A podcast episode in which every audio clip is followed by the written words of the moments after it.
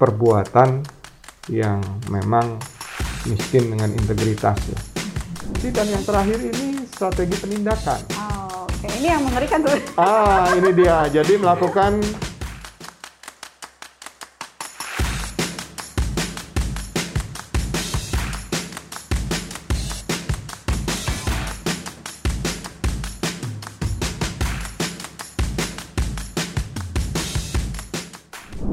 Assalamualaikum warahmatullahi wabarakatuh. Selamat pagi. Selamat pagi kawan pajak semua.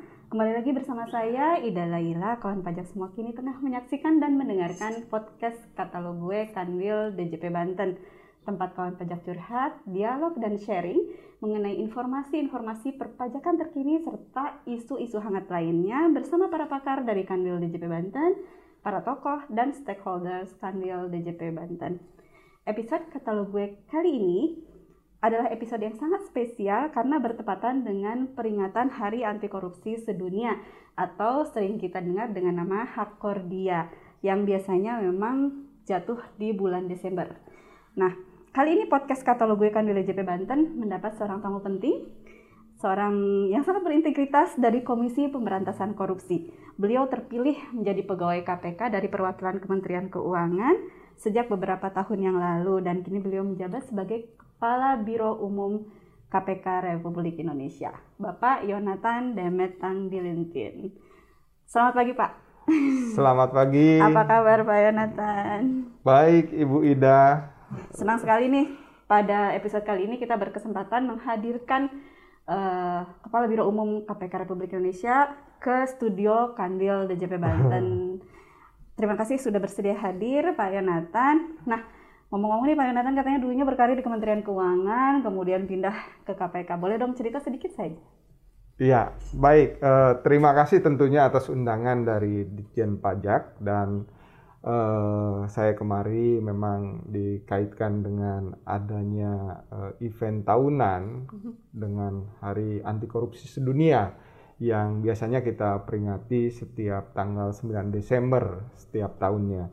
Jadi eh, kaitan dengan pertanyaan eh, Ibu Ida, memang eh, awalnya saya berkarir di Kementerian Keuangan mulai tahun 1999 tepatnya. Prosesnya sejak tahun 98 Bu Oh, Ida. Nah, 99 saya menjadi eh, CPNS, PNS-nya mungkin di tahun 99 juga dan eh, saya berkarir di Sekretariat Jenderal Kementerian Keuangan. Eh, tentunya karena penugasan juga sejak tahun 2013 saya eh, bergabung dengan KPK itu pun karena memang ada proses open bidding jabatan di Komisi Pemberantasan Korupsi. Jadi mungkin itu sekilas yang dapat Oke. saya sampaikan Ibu Ida. Iya, terima kasih banyak ya Pak Yonatan. Nah, berarti Pak Yonatan ini sudah tahu kalau eh, kita di Kementerian Keuangan, kami di sini di Direktorat Iya. Jenderal Pajak sebagai bagian dari Kementerian Keuangan, kami punya nilai-nilai Kementerian Keuangan. Ada lima nilai Kementerian Keuangan, mulai dari integritas, Iya. profesionalisme, sinergi, pelayanan dan eh, kesempurnaan. Menurut Pak Yonatan nih dari sudut pandang KPK mungkin ya, dengan adanya nilai-nilai seperti ini, bagaimana sih dampaknya untuk menciptakan budaya anti korupsi di institusi? Baik, terima kasih Ibu Ida. Yang saya pahami bahwa setiap organisasi, eh, mau di sektor private, mau sektor publik, ya pasti memiliki nilai-nilai yang katakanlah menjadi roh penggerak untuk organisasi itu eh, berjalan begitu.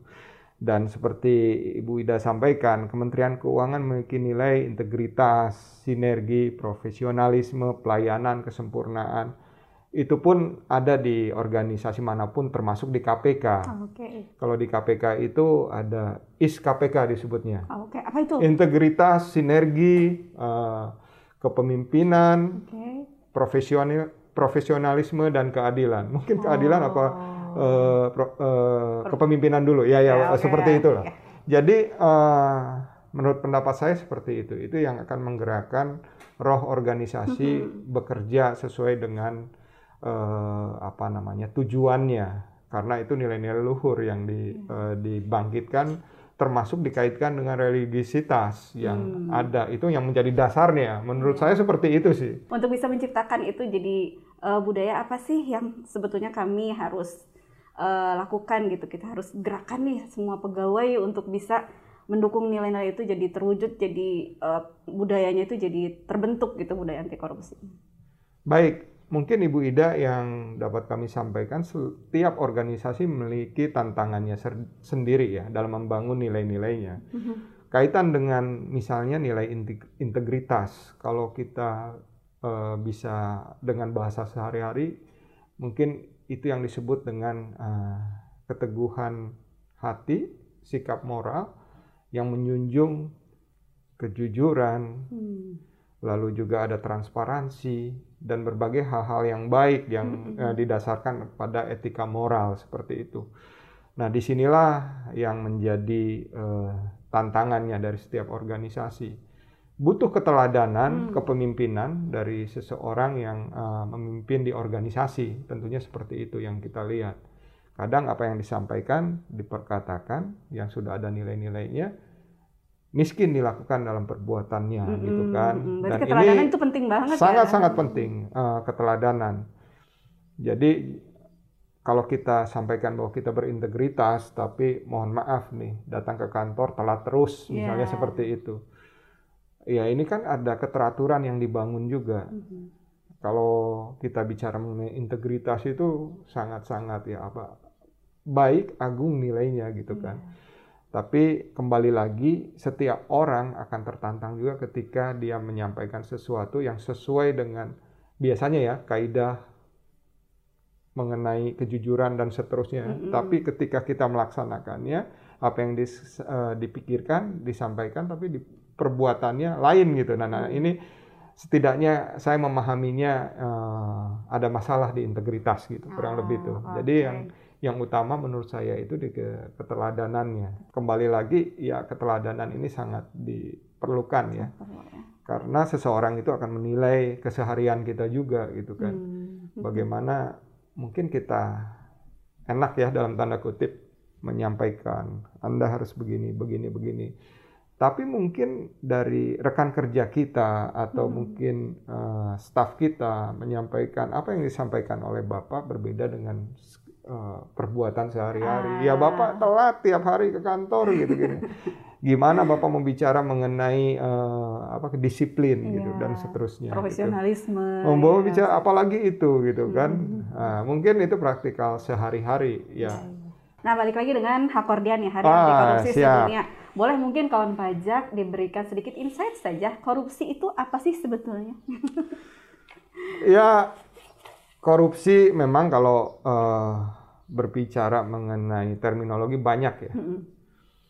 Korupsi dimaknai sebagai uh, perbuatan yang memang miskin dengan integritas ya. Okay. Dan itu terjadi dalam berbagai aspek kehidupan yang tidak dilandaskan pada integritas yang benar gitu. Ada aturan, ketentuan, tapi karena untuk memperkaya diri sendiri, hmm. lalu untuk uh, apa memperkaya orang lain, hmm. dan uh, tentunya menghasilkan perbuatan yang merugikan keuangan negara. Okay. Dan hasil akhirnya, kalau kita bicara yang hal yang konkret, ketika ini akibat dari korupsi, hmm. bagaimana bangunan sekolah yang seharusnya dibangun dengan spek yang baik itu mm -hmm. tidak akan runtuh dalam berapa tahun. Itu bisa runtuh gitu. Mm. Dan menimpa anak sekolah dan ada korban kayak yeah. gitu. Jadi saya lebih senang untuk berbicara mengenai langsung akibatnya. Kalau bicara mengenai definisi korupsi ah, itu banyak ah, sekali ah, gitu ah, kan. Ah, saya tidak terlalu tertarik untuk bicara seperti itu, tapi akibatnya okay. luar biasa. Ini kejahatan dalam tanda kutip terhadap kemanusiaan kejahatan yang luar biasa. Dampaknya tuh luas banget. Ya. Dampaknya ya. sangat luas. Jadi uh, itu tidak hanya bicara mengenai uh, merugikan keuangan negara gitu, apalagi kalau yang hal yang skala besar itu, mm-hmm. impact ekonominya sangat luas, dampaknya sangat besar. Jadi kalau boleh uh, saya perlihatkan ya di Undang-Undang 31 tahun 99 mm -hmm. ada Jungko tahun uh, Undang-Undang 20 tahun 2001 uh, eh, definisinya eh, banyak, tapi kita mengkategorisasi 30 jenis eh, tipikor. Oh, oke. Mulai dari kerugian negara itu ada ada di pasal 2, pasal 3 kaitan dengan penyalahgunaan wewenang. Lalu ada penggelapan dalam jabatan, ada juga perbuatan curang, Oke. lalu pemerasan, Oke. lalu ada gratifikasi, Oke. lalu suap menyuap. Ini yang paling sering terjadi kalau ditangani ya di APH pun seperti itu. Eh, benturan kepentingan dalam pengadaan, eh, tindak pidana lain yang berhubungan dengan eh, korupsi ada juga. Beberapa hal misalnya merintangi pemeriksaan, Ah, lalu keterangan kekayaan, keterangan rekening, keterangan palsu, identitas pelapor dan seterusnya ini yang dikaitkan. Tapi dari eh, jenis tipikor yang ada tujuh itu kita bisa kembangkan sampai 30. 30 jenis Betul, tipikor. ya jenis tipikor. Jadi tujuh itu menjadi tujuh besar ya. Ah, oke. Jadi tujuh jenis besar dalam tanda kutip gitu. Iya, kategori lah ya, tujuh Betul, kategori besar kategori- yang dimaksud dengan korupsi itu seperti Betul. itu gitu ya. Iya, kita dengan berdasarkan undang-undang berapa, Mas? Undang-Undang 31 tahun 31. 1999, Oh, tapi- Jungko Undang-Undang 20 tahun 2001. Luar biasa ya, jadi dalam kategori besarnya ada tujuh jenis, tapi sebetulnya setelah dijabarkan ada lebih eh, kurang lebih 30 Iya, jenis betul. tindak pidana korupsi. Iya, misalnya kerugian keuangan negara mengenai penyalahgunaan wewenang itu bisa dijabarkan di pasal 2 dan pasal 3 dan Ah, seterusnya. Oke. Termasuk kalau dalam eh, undang-undang itu ada ancaman hukumannya misalnya Iya, seperti iya, itu iya. ya. Oh, maka sebetulnya KPK juga punya peran untuk eh, mensosialisasikan ya hal-hal seperti ini kepada masyarakat misalnya Betul, iya. untuk eh, supaya masyarakat itu juga terbiasa untuk tidak melakukan korupsi. Mungkin secara umum ya, Iya, termasuk iya. juga pegawai-pegawai itu sudah pasti seharusnya tidak boleh melakukan korupsi ya. Iya. Karena kita punya nilai-nilai tadi Iya. itu ya. Oke, untuk itu eh, KPK melakukan kampanye anti korupsi misalnya seperti itu atau bagaimana tuh yang Iya, mungkin eh, kalau dikaitkan dengan eh, Hari Anti Korupsi Sedunia, eh, secara kelembagaan KPK itu memiliki saat ini memiliki eh, tiga eh, fungsi ya, Oke. yang dikaitkan dengan strategi eh, pencegahan dan pemberantasan korupsi. Baik.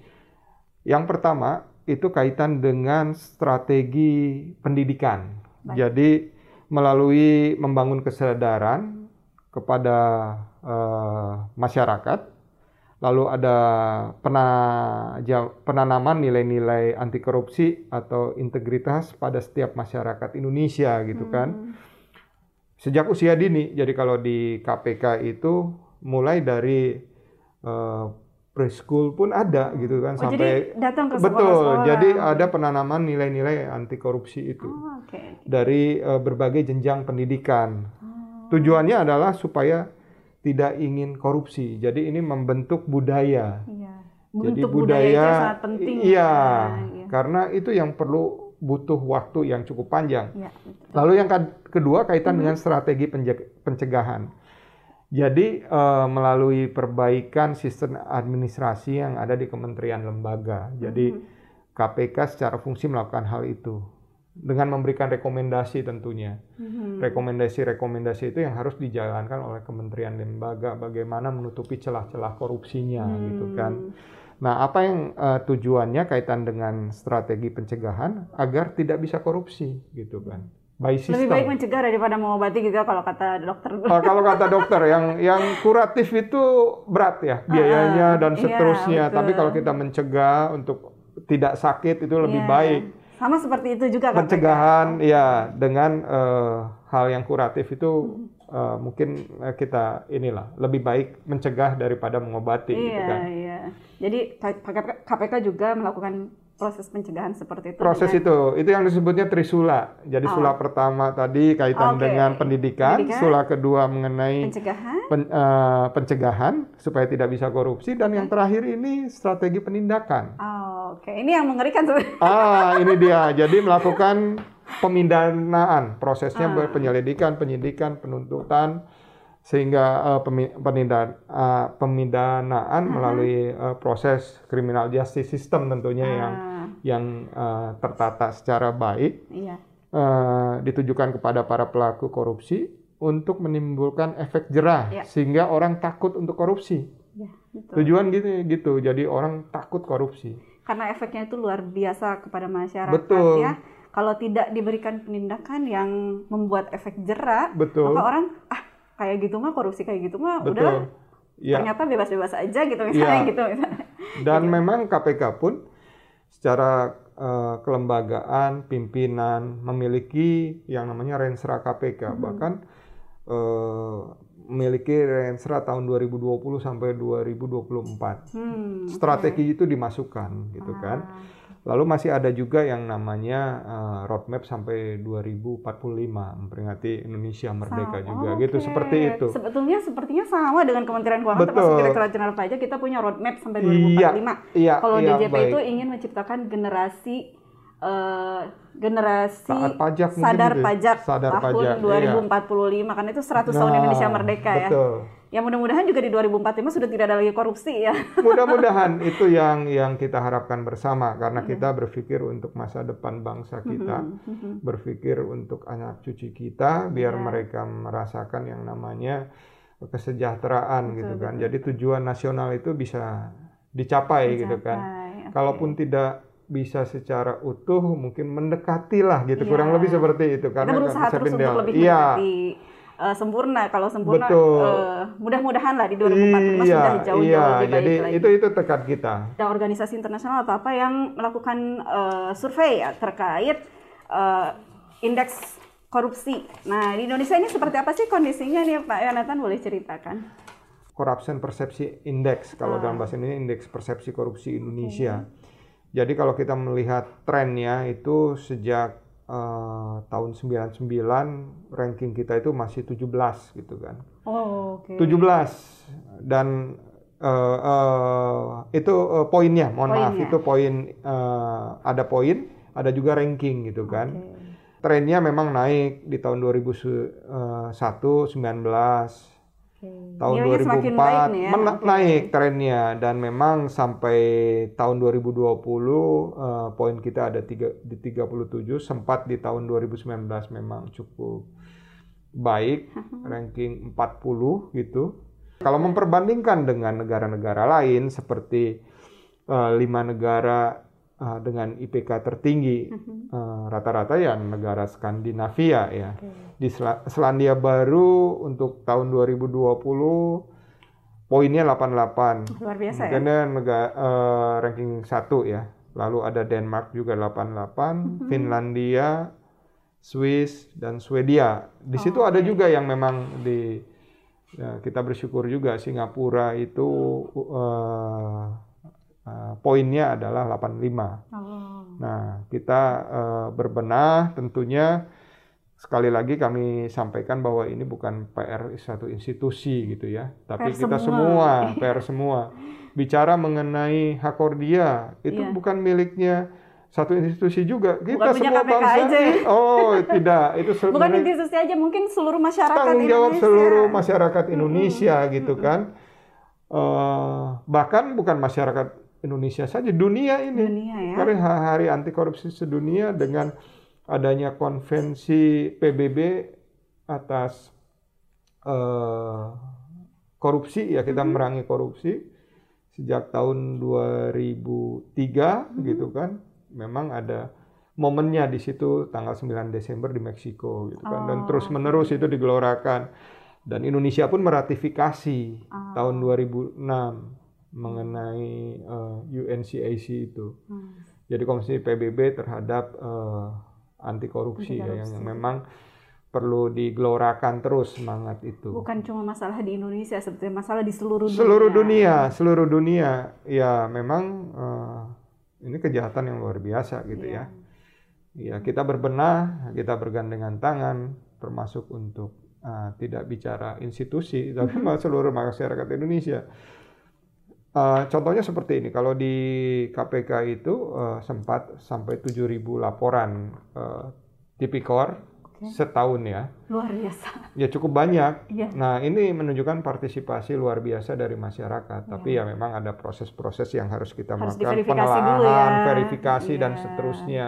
Karena ini kan menyangkut juga eh, person to person yang memang eh, kita harus jaga yang namanya hak asasi manusianya Betul, juga betul. gitu. Jadi eh, Luar biasa tapi Pak Yonatan kok sampai 7000 ribu tuh berarti Sempat ya, KPK mungkin ya. itu luar biasa banyak banget. Iya, karena itu kembali lagi partisipasi masyarakat. Ya, terbongkarnya suatu eh, kejadian kasus tindak pidana korupsi itu pasti ada partisipasi masyarakat yang eh, mereka ingin melihat Indonesia yang lebih baik Iya, di masa betul. yang akan datang gitu kan. Jadi eh, itu yang patut kita syukuri. Jadi animo masyarakat masyarakat. luar biasa. Jadi eh, itu yang yang kita tetap syukuri juga Iya, gitu ya. iya, iya. Nah, Iya. boleh nih Pak Yonatan disampaikan ke kawan pajak kalau misalnya kawan pajak mau menyampaikan aspirasinya ke KPK, kita menghubungi apa saja nih kanalnya?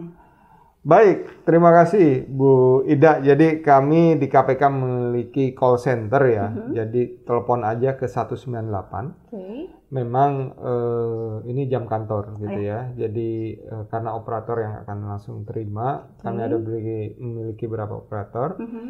eh, bisa disampaikan pengaduan ataupun katakanlah konsultasi karena Oh, baik. ada juga konteks misalnya pelaporan LHKPN, gratifikasi dan Oh, iya, seterusnya iya, iya, ada. Nggak Walaupun sekedar harus untuk pengaduan ya, bukan iya, ya? Oke, iya oke, betul. oke. Lalu kait ada juga eh, kami memiliki email eh, pengaduan eh, at kpk.go.id Oke.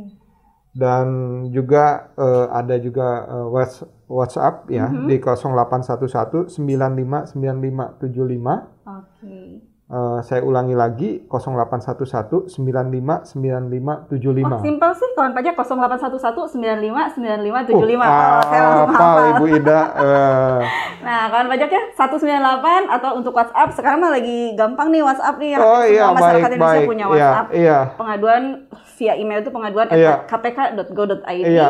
Dan WhatsAppnya 0811 95 95 75. iya. Oke. Bisa juga gini rekan Apa pajak kalau misalnya memang mau eh, dilakukan apa namanya eh mulai googling gitu ya. Itu ada juga memang eh, saluran misalnya di eh, kwskpk.go.id. Oke. Iya, jadi nanti eh, bisa eh, sesuai dengan kebutuhan tentunya.